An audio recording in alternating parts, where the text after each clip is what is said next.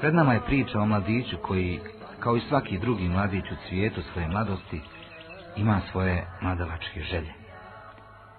Živio je poput svojih drugova, ne obraćajući pažnju na Allahove naredbe. Jedne noći uzvišeni Allah je htio da ga uputi na dobro, pa je usno vidio prizor koji ga je probudio i povratio iz njegovog nemara. O svojoj priči ovaj mladić kaže. Jedne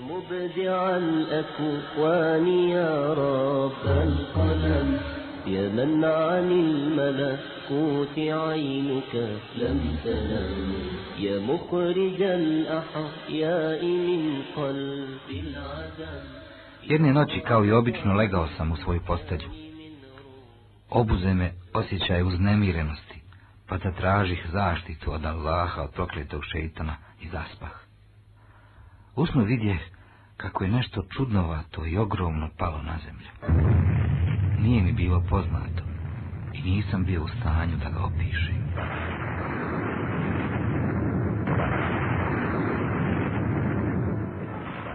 Ličilo je na nekakvu ogromnu vatrenu gromadu. Vidio sam je kako pada, pa pomislih da je sve gotovo. Pođoh izbezumljeno hodati po zemlji, tražiti bilo koga da me spasi ove nesreće. Rečeno je, ovo je početak sudnjeg dana. Sudnji dan je već nastupio i ovo je njegov prvi pokazatelj. Strahovito sam se preplašio i sjetio svih onih dobrih i loših dijela koje sam učinio. Žestoko sam se pokajao. Grizao sam svoje prste zubima žaleći zbog svih onih obaveza prema uzvišenom Allahu koji sam propustio. Rekoh a strah me ne zavladavao. Šta ću sad? Kako da se spasim? Čuh glasnika kako viče. Danas kajanje ne koristi. Bićeš kažnjen za ono što si radio. Gdje si bivao za vrijeme namaza? Gdje si bio kada su ti dolazile Allahove naredbe? Zašto ih nisi izvršavao? I zašto se nisi klonio Allahovih zabrana? Bio si nemaran prema svom gospodaru. Svoje vrijeme si provodio u igri, zabavi, pjesmi. A sada tu plačeš. i mada vidiš kako će biti kažnjen. Moj jad i tuga se još više povećaše kad čuh kako mi prijeti kaznom. Ronio sam suze plačući, ali uzalud. I u tim teškim trenucima ja se probudim. Ja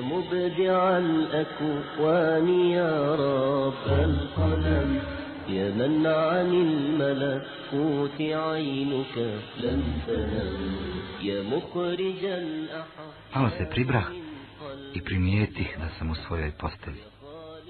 Nisam mogao vjerovati da je sve to bio samo san, sve dok nisam došao sebi. Duboko sam uzdahnuo Strah me i dalje obuzimao, pa sam počeo razmišljati. Rekao sebi, Allaha mi, ovo je Allahovo upozorenje za mene. Sudnji dan će neizbježno doći. Pa zašto sam onda nepokoran Allahu? Zašto ne klanjam? Zašto ne prestanem činiti ono što je Allah zabranio? Mnoga pitanja su mi se vrtila po glavi, a ja sam našao samo jedan odgovor. Vrati se Allahu da bi se spasio strahota tog velikog dana. Ja sabah i osjetih slast u srcu. Tog jutra sam otišao do svog auta i pogledao sam unutra. Auto je bilo prepuno kaseta sa muzikom. Izbacio sam ih, osim nekoliko sa islamskim sadržajem. Allah mi je olakšao, pa sam svaki dan napredovao korak po korak ka pravom putu. Ja molim Allaha da i mene učvrsti na njemu. A danas je puno onih koji su obmanuti ovim prolaznim dunjalukom, koji su nemarni prema tom strašnom danu u kojem će čovjek pobjeći od svoga brata, od svoje majke i oca, od svoje žene i djece. Toga dana neće biti od koristi nikako blago, ani sinovi, samo će onaj koji Allahu čista srca dođe spašen biti. Zato se pokajmo Allahu prije smrti. Sebe, Allaha, gospodara svjetova, hvala, milostivo, samilostno, vladara dan suda, tebi se klanjamo i od tebe pomoć tražimo.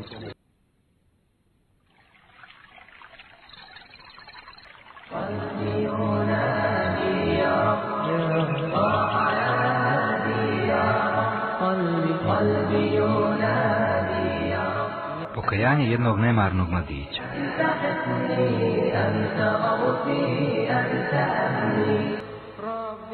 Bio sam mladić nemaran prema Allahu i udaljen od njega. Gušio sam se u mnoštvu grijeha.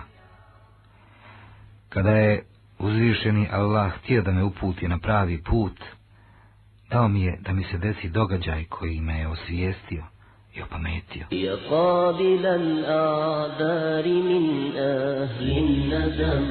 يا من عفوت عن الصغائر واللمم في كل نازلة Jednog dana nakon lijepih trenutaka provedenih na jednom porodičnom izletu u gradu Demamu, krenuo sam svojim autom zajedno sa moje tri sestre.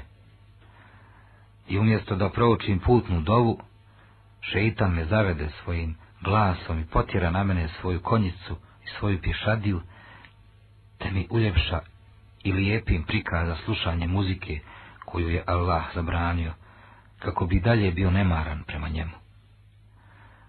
Tada mi nije bilo na umu slušanje plemenitog Kur'ana ili korisnih islamskih kaseta od raznih predavača i učenjaka, jer se istina i laž nikako ne mogu sastati u jednom srcu.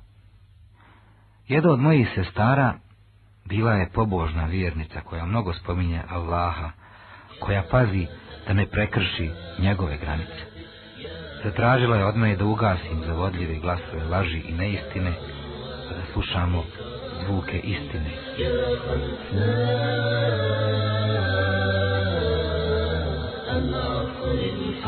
Ali kako da se odazovem tome kada me je šeitan bio obuzeo i ovladao mojim tijelom i srcem, pa sam onda iz inata htio da griješim, odbivši tako njenu molbu. Na mojoj strani bile su i moje druge dvije sestre.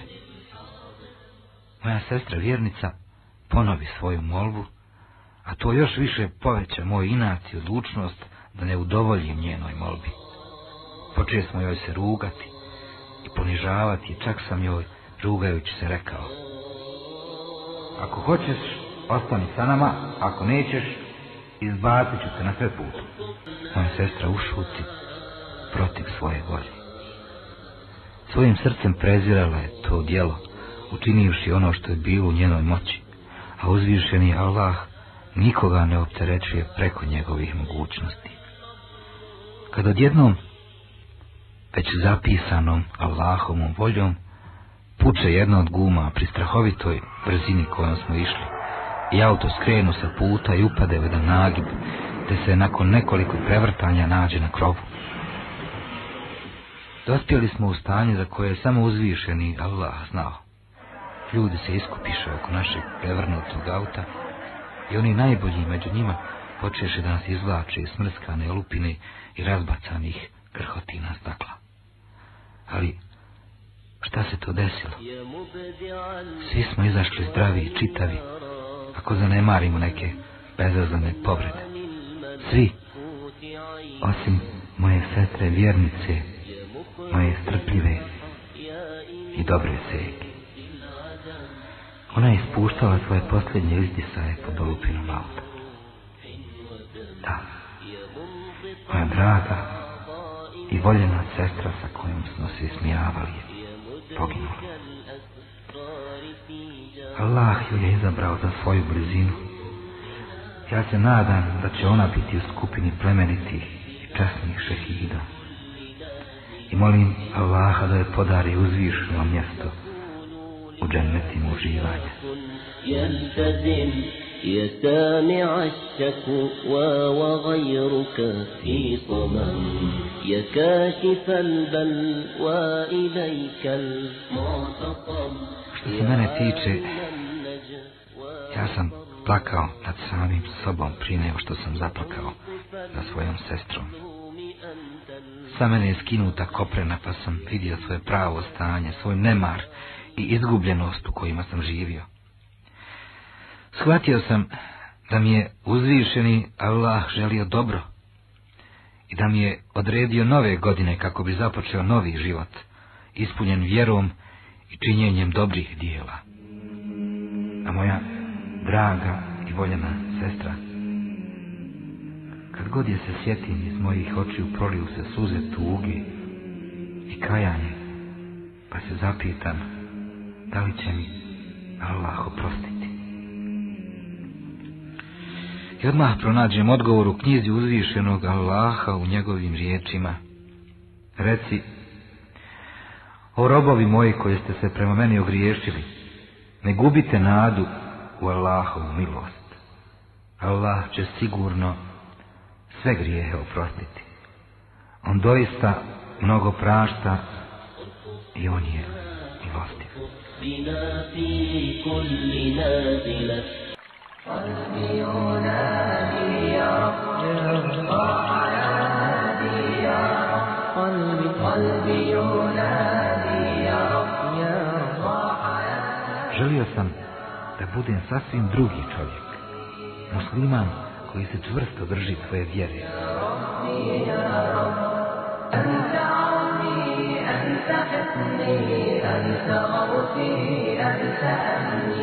Pokajanje mislioca Seida Kutba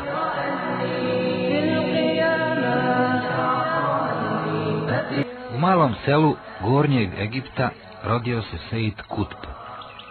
Odrastao je u pobožnoj i osrednje bogatoj porodici. Njegovi roditelji su pridavali posebnu pažnju njegovom učenju plemenitog Kur'ana na pamet, još od njegove rane mladosti i nije imao ni punih deset godina, a već je znao Kur'an na pamet. Od devetnaeste godine svoga života živio je jedan period izgubljenosti nemara, kojeg je sam nazvao period ateizma, kao što kaže. Proveo sam jedanaest godina u ateizmu, sve dok nisam naišao na put koji vodi ka Allahu i spoznaji miraja vjere. Godine 1948. Sejd Kutb napušta Kajro uputivši se ka Americi, poslan od strane tadašnjeg ministarstva obrazovanja. To putovanje je bilo početak novog puta, na kojega je Allah uputio i olakšao mu da kroči njime.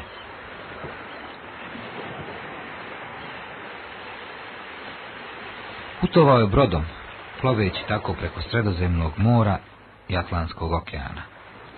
Na tom brodu desilo mu se nekoliko događaja koji su ostavili trag na njegov život u budućnosti i koji su mu trasirali put.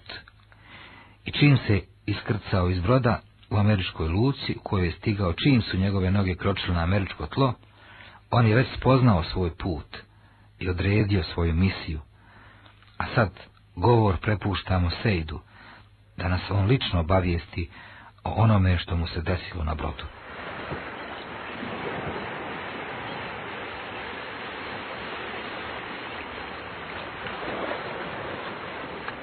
prije 15 godina nas šestorica pripadnika islama među 120 putnika nemuslimana nalazili smo se na palubi egipatskog broda koji je plovio ka Njujorku, sjekući valove Atlantskog okeana.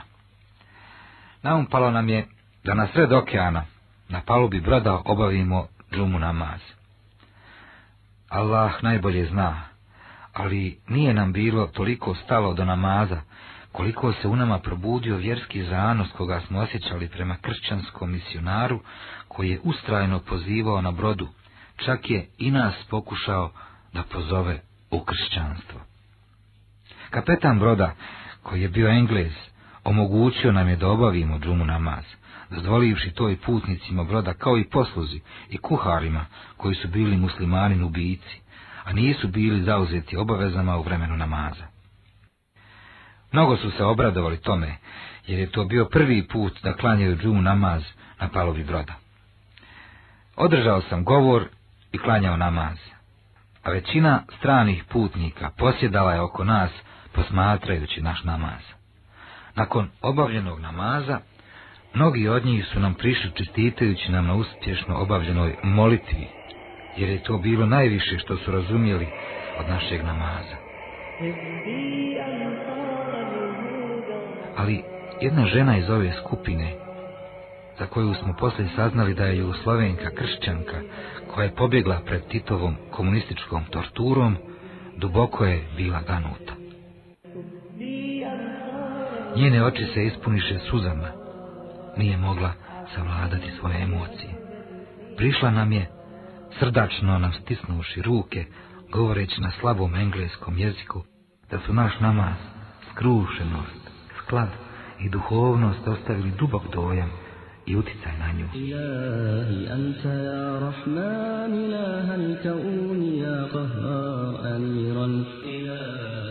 Nakon svega toga, u trenucima tog vjerskog osjećaja i zanosa, Sejd poče da se obraća samom sebi. Zar da idem u Ameriku kao jedan od običnih izaslanika koji samo znaju za jedenje i spavanje, ili se moram isticati određenim vrlinama i odlikama?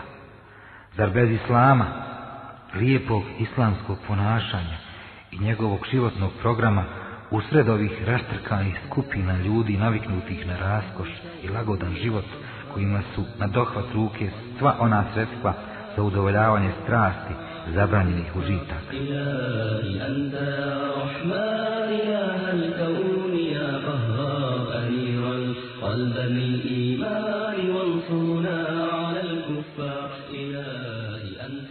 Želio sam da budem sasvim drugi čovjek, musliman koji se čvrsto drži svoje vjere. Pa je Allah htio da me provjeri da li sam se iskreno okrenuo njemu ili je to samo puka zamisao. Allahovo iskušenje uslijedilo nakon nekoliko minuta od mog izbora da krenem putem Islama. Samo što sam ušao u sobu, kad neko pokuca na vrata. Ja otvorih i na jednom se nađao pred zgodnom, lijepom, vitkom i polugolom djevojkom, čije tijelo otkrivalo sve one zavodljive ukrase. Počela je da mi se obraća na engleskom jeziku, rekavši mi da li mi gospodin dozvoljava da mu budem gošća ove noći? Našao sam izgovor da je soba namijenjena za jedan krevet, a i krevet je također samo za jednu osobu. Ona reče, često krevet za jedno bude dovoljno širok i prostran za dvoje. Bio sam prinuđen da je pred njenom bestidnošću i nasilnom pokušaju da uđe, zalupim vrata prednosom, da bi joj spriječio ulazak u sobu. Čuo sam i kako je tresnulo drveni pod protskog hodnika bila je pijana. Rekoh, hvala Allahu Đelešanuhu, ovo je moje prvo iskušenje. Osjetih snagu i oduševljenje zbog pobjede nad samim sobom, zbog pobjede nad mojom dušom koja nakon ovoga krenu putem kojeg sam ja zacrtao. Alhamdulillah,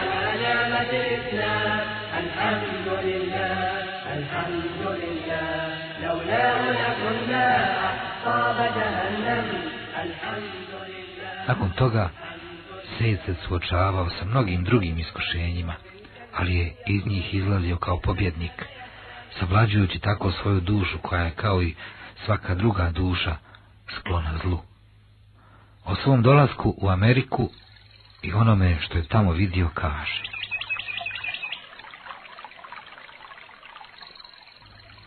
U toku svog boravka u Americi svojim očima sam vidio istinitost Allahovog govora i kada bi zaboravili ono čime su opominjani, mi bismo im kapije svega otvorili. A kada bi se onome što im je dato obradovali, iznenada bismo ih kaznili i oni bi odjednom svaku nadu iskupili.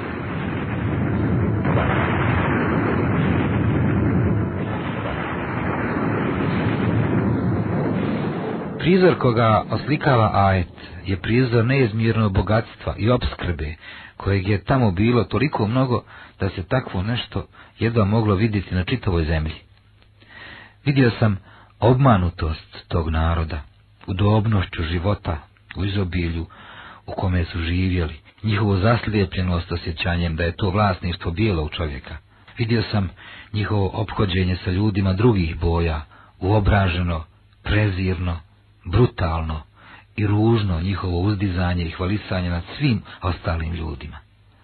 Sve sam ovo gledao svojim očima, sjećajući se ovog ajeta i očekujući Allahovu kaznu. I kao da sam vidio njene korake kako se polahko primiču nemarnim.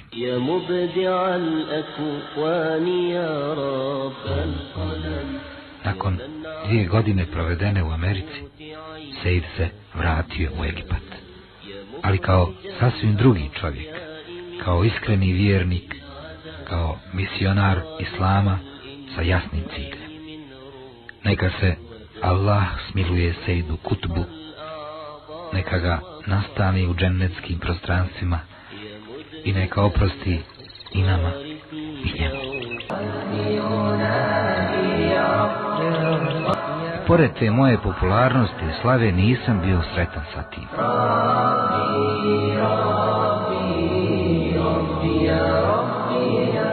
Pokajanje poznatog marokanskog glumca Seida Zajanija. U časnoj Mekki, u blizini svete Allahove kuće, u zadnjoj desetini Ramazana, nekadašnji glumac, sada misionar Islama Seid Zajani, Ispričao nam je priču o svom pokajanju uzvišenom Allahu i o tome kako je bio upućen na pravi put, pa kaže. Odrastao sam u muslimanskoj kući. Kada sam došao u godine puberteta, sanjario sam, kao što su sanjarili drugi mladići, o tome kako da ostvarim i postignem popularnost i novac. Dvije stvari koje su za mene bile vrlo bitne. Tragao sam za srećom i nastojao da je nađem ne birajući načine.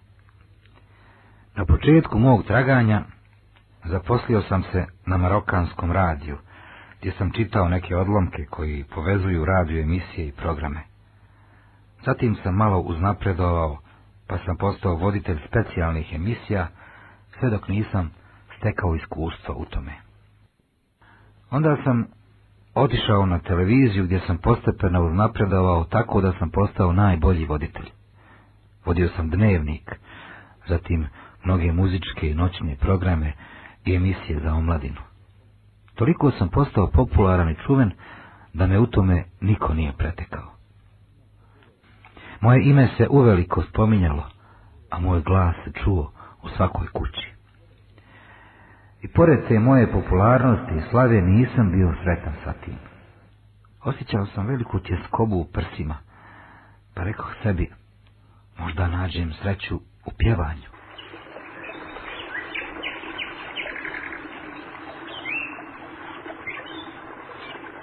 I stvarno, moja popularnost koju sam stekao na radio i televiziji mi je pomogla da putem jednog televizijskog programa otpjevam jednu kratku pjesmu koja me uvela u svijet muzike, u kojem sam ostvario veliku popularnost. Kasete sa mojim pjesmama koje sam snimao pojaviše se na pijacama i poradnjama u velikom broju. I uprko svemu tome, osjećao sam se bijedno i nesretno. Osjećao sam dosadu i tjeskobu u prstima. Istinu je rekao uzvješeni Allah kada kaže Onome koga Allah želi da uputi, on prsta njegova prema islamu raspoloži, a onome koga želi da u zabludi ostavi. On prsa njegova stegne i umorni mučini kao kad čini napor da na nebo uzleti.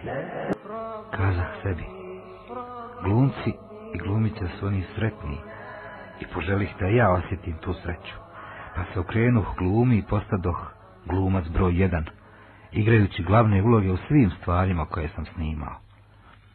I zaista, bez imalo pretjerivanja, postao sam istaknuta i posebna ličnost u mojoj državi. Vozio sam se samo u najskupljim i najluksuznijim autima, oblačio sam samo skupu odjeću. Došao sam do velikog položaja u društvu, a moji prijatelji bili su velike i uvažene ličnosti u vlasti, a i drugi. Hodao sam od dvorca do dvorca i uvijek nailazio na otvorena vrata, baš kao da sam ja njihov vlasnik. Ali, i pored svega toga, imao sam osjećaj da nisam stigao do sreće za kojom draga.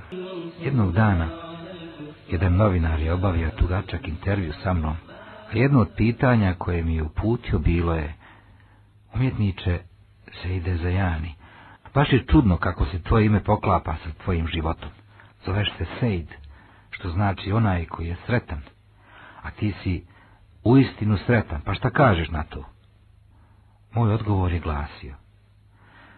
Zaista ono što ti misliš i što misle mnogi ljudi nije tačno.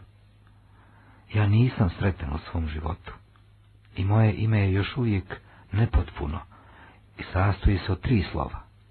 S, E, I, što znači onaj koji traga. Ja zaista još uvijek tragam za posljednjim slovom u mom imenu, slovom D, kako bi se moje ime upotpunilo i značilo onaj koji je sretan, kada će se i moja sreća upotpuniti. I do ovog momenta još ga nisam našao, a kada ga nađem, obavijestit ću te.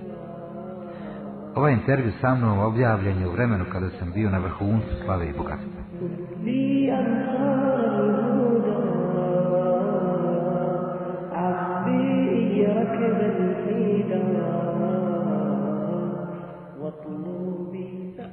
Prošli su dani, mjeseci i godine.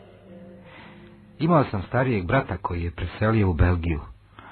On je bio običan čovjek, samo što je bio bolji od mene u vjeri. Tamo u Belgiji je imao kontakta sa nekim islamskim misionarima koji su na njega uticali, pa se on njihovom zaslugom vratio uzvišenom Allahu. Razmišljao sam da odem na jedno turističko putovanje u Belgiju, da nakratko posjetim svog brata, a zatim da nastavim svoje putovanje po raznim mjestima svijeta. Otputovao sam u Belgiju i tamo se sreo sa svojim bratom, no međutim, bio sam iznenađen njegovim promijenjenim izgledom, pojavom i drugačijim životom. A još važnije od toga je sreća koja je zračila u njegovoj kući i njegovom životu. Mnogo me je dirnulo i ostavilo traga na meni to što sam vidio, a također i čvrste i neraskidive veze kojima je povezana muslimanska omladina tamo. Oni su me dočekali raširenih ruku izrazivši mi najljepšu dobrodošlicu, srdačno me pozvavši da prisustujem njihovim sjelima i skupovima i da se upoznam sa njima. Odazvao sam se tom pozivu.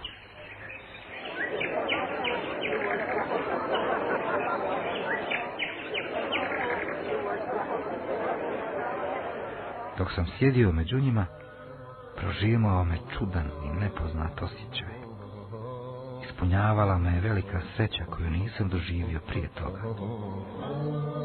Poslije izvjesnog vremena ja produžih svoj boravak kako bi ova sreća koju sam dugo vremena bezuspješno tražio potrajala.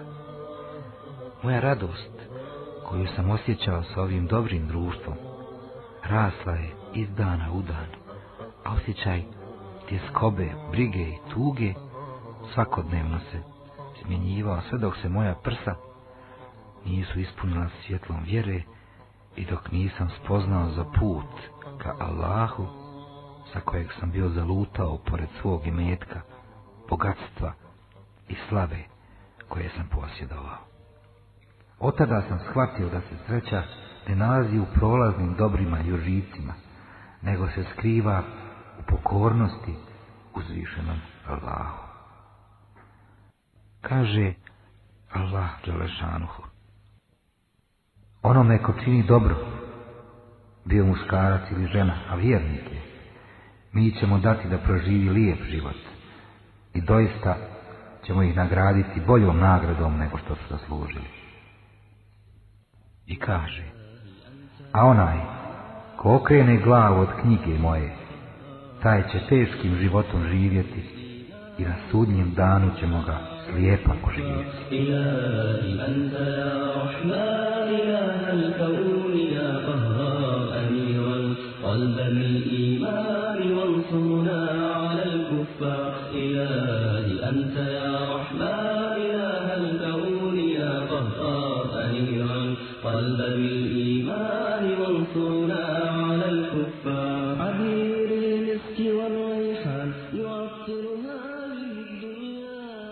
Odmor kod mog brata je potrajao više od dvije godine.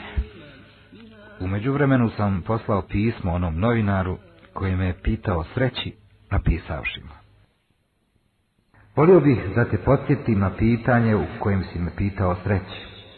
Obećao sam ti tada da ću te obavijestiti kada pronađem slovo D. Evo, sada me raduje i veseli i čast mi je da te obavijestim o tome da sam našao slovo D koje mi je nedostajalo. Našao sam ga u dinu i davli, to jest u vjeri i pozivanju u nju. Sada sam postao istinski sretan. مع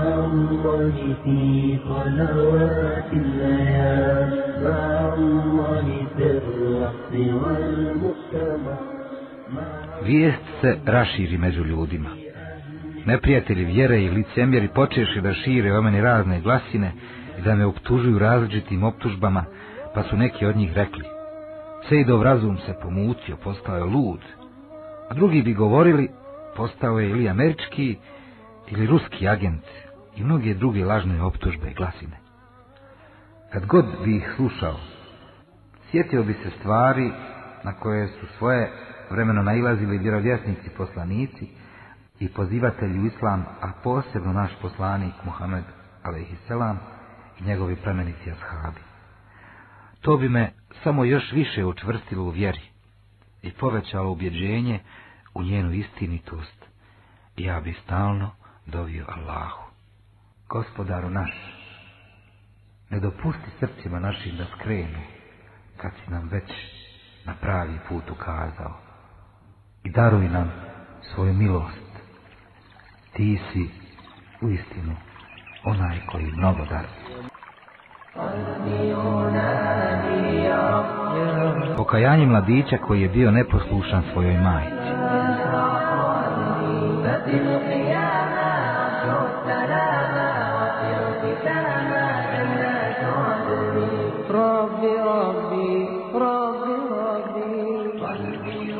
Ovo je priča o mladiću koji je otišao na studij u inostranstvo. Nakon što ga je uspješno okončao i dobio diplomu, vratio se u svoj rodni kraj. Ubrzo se zatim oženio lijepom i bogatom djevojkom koja je, međutim, mogla biti uzrok njegove propasti, da nije Allahove Đelešanu milosti. On nam kazuje.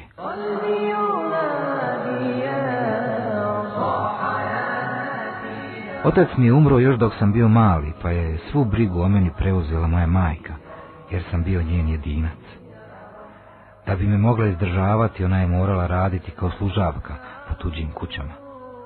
Upisala me u školu, a ja sam marljivo učio i sticao znanje, sve dok nisam završio fakultet. Svo to vrijeme bio sam dobar prema svojoj majici. Onda sam krenuo na studiji u inostranstvu.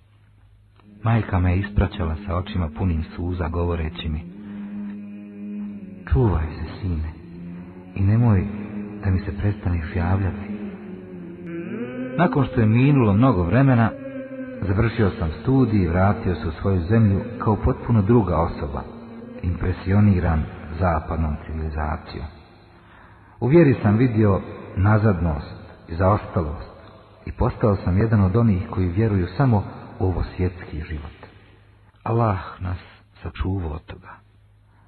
Dobio sam odličan posao, zatim počeo tražiti ženu s kojom bi sklopio brak. Majka mi je bila već odabrala jednu pobožnu i čednu djevojku, ali sam to odbio i oženio se lijepom i bogatom djevojkom jer sam maštao o aristokratskom životu, kako se to kaže. Prvih šest mjeseci braka moja supruga je stalno spletkarila protiv moje majke, dok me nije navela da majka zamrze. Jednog dana sam ušao u kuću i zatekao suprugu kako plači. Upitao sam je za razlog, ona reče, ili ja, ili tvoja mati. U ovoj kući ne možemo živjeti zajedno. Ne mogu više da trpim. Razbjesnio sam se u takvom stanju istjerao majku iz kuće. Ona je izašla plačući i govoreći mi, Allah te usrećio, sine moj. Ubrzo zatim, izašao sam da je potražim, ali bez uspjeha, pa sam se vratio. Tako je moja supruga uspjela postići svojim spletkarenjem i mojim neznanjem da ja zaboravim svoju dragu i dobru majku.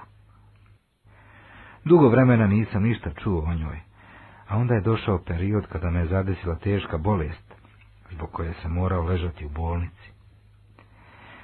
Majka je čula za moju bolest, pa me je došla obići. Supruga se zadesila kod mene i prije nego što je majka ušla u moju sobu, ona je gurnula i grubo je rekla, tvoj sin nije ovdje, šta želiš od nas? Ostavi nas na Nakon takvih riječi majci nije preostalo ništa drugo nego da se vrati odakle je došla.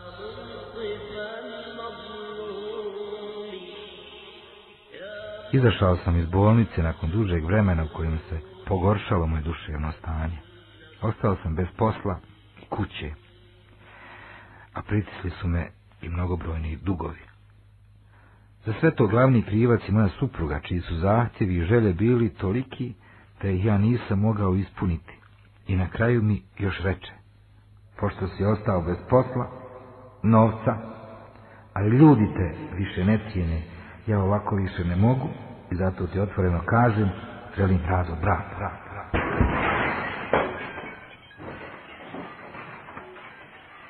Njene riječi su mi poput grmljavine odzvanjale u glavi.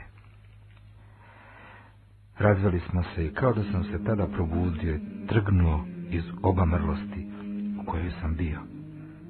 Izašao sam i tumarao kao lud tamo hamu tražeći svoju majku. Na posljedku sam je našao, ali gdje? Bila je u jednom prihvatilištu za nezbrinute i jela ono što je ljudi daju kao sadaku. Ušao sam unutra i ugledao svoju majku. Na njoj su se primijetili tragovi plaća. Izgledala je blijeda. Kad sam je vidio, pao sam joj pred noge briznuo u žestoki plač proneći gorke suze, a i ona je tada počela plakati zajedno sa mnom.